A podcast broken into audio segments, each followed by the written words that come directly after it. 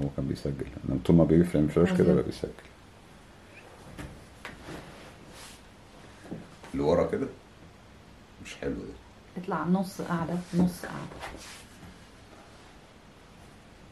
ارجع لورا شوية. كده مش هبقى قاعد مرتاح.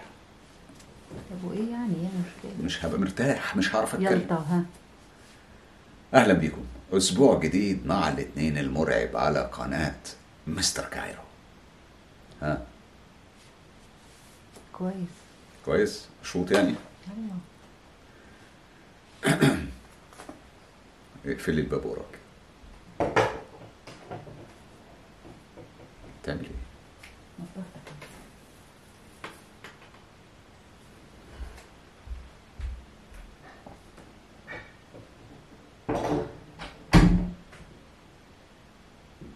أهلا بكم.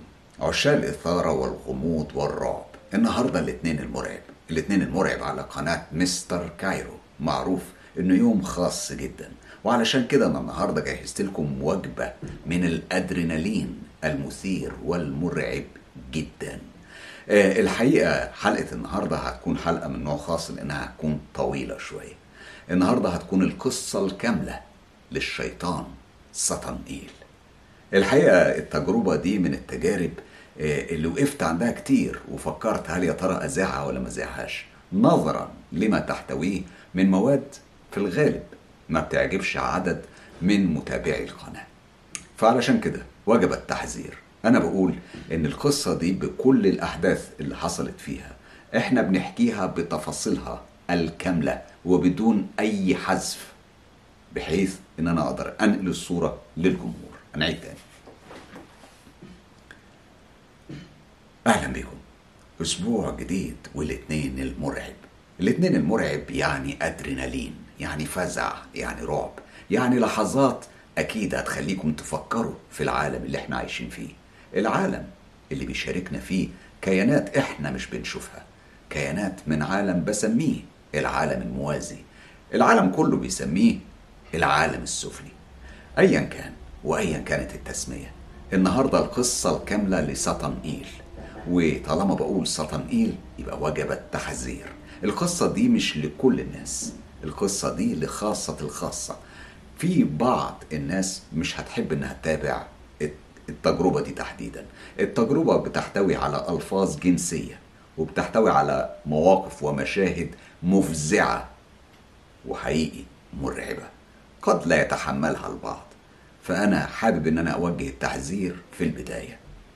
أحداث القصة بكل تفاصيلها حقيقية. حكاها لي يوسف ساحر أردني تائب طبعا ده مش اسمه الحقيقي ده اسمه المستعار. أنا مش حابب أطول أكتر من كده. التجربة أذيعت على مدار 8 أسابيع. النهاردة بذيع لكم التجربة كاملة من البداية حتى النهاية بحيث ما يفوتكمش لحظة واحدة من اللحظات المثيرة والمرعبة والمخيفة واللي أحيانا بتكون غير مألوفة والبعض قد لا يستسيغها. أنا بقولها أهو قد لا يستسيغ المادة المعروضة. مش هطول عليكم وكفاية كلام ويلا إيه؟ يلا بينا.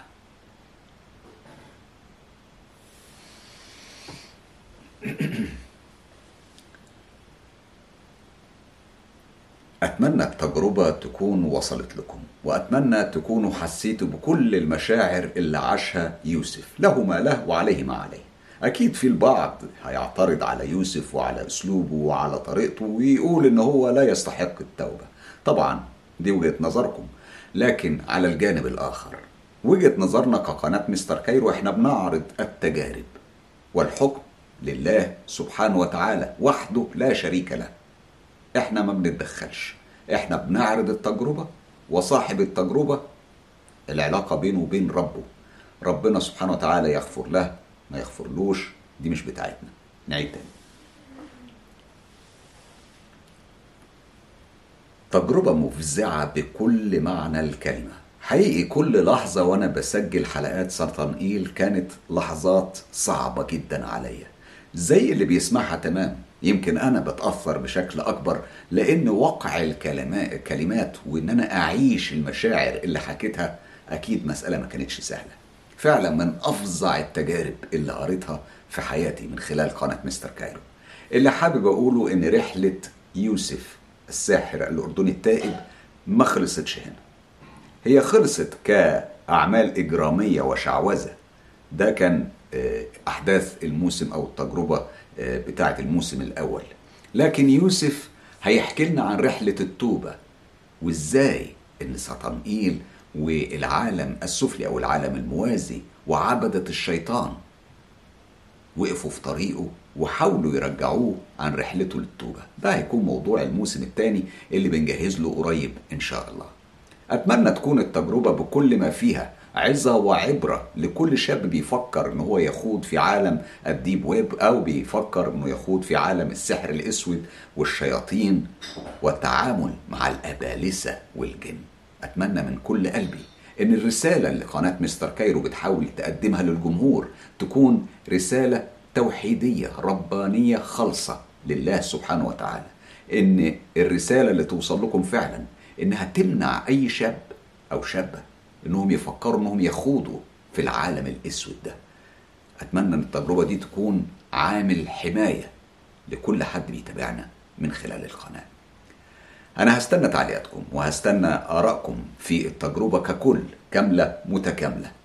ومستني إن أنا أسمع من يوسف باقي اعترافاته في رحلة التوبة. حالا بشكركم وإلى اللقاء.